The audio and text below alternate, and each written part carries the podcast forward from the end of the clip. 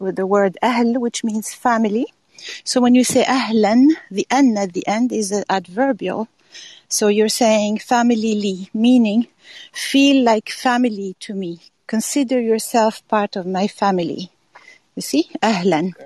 And sahlan comes from the word sahl, which means, do you know what sahl means, Putri? Easy. Easy, very good. So when you say sahlan, you're trying to say, take it easy, be comfortable with me. Okay? So ahlan wa sahlan, that's what that means.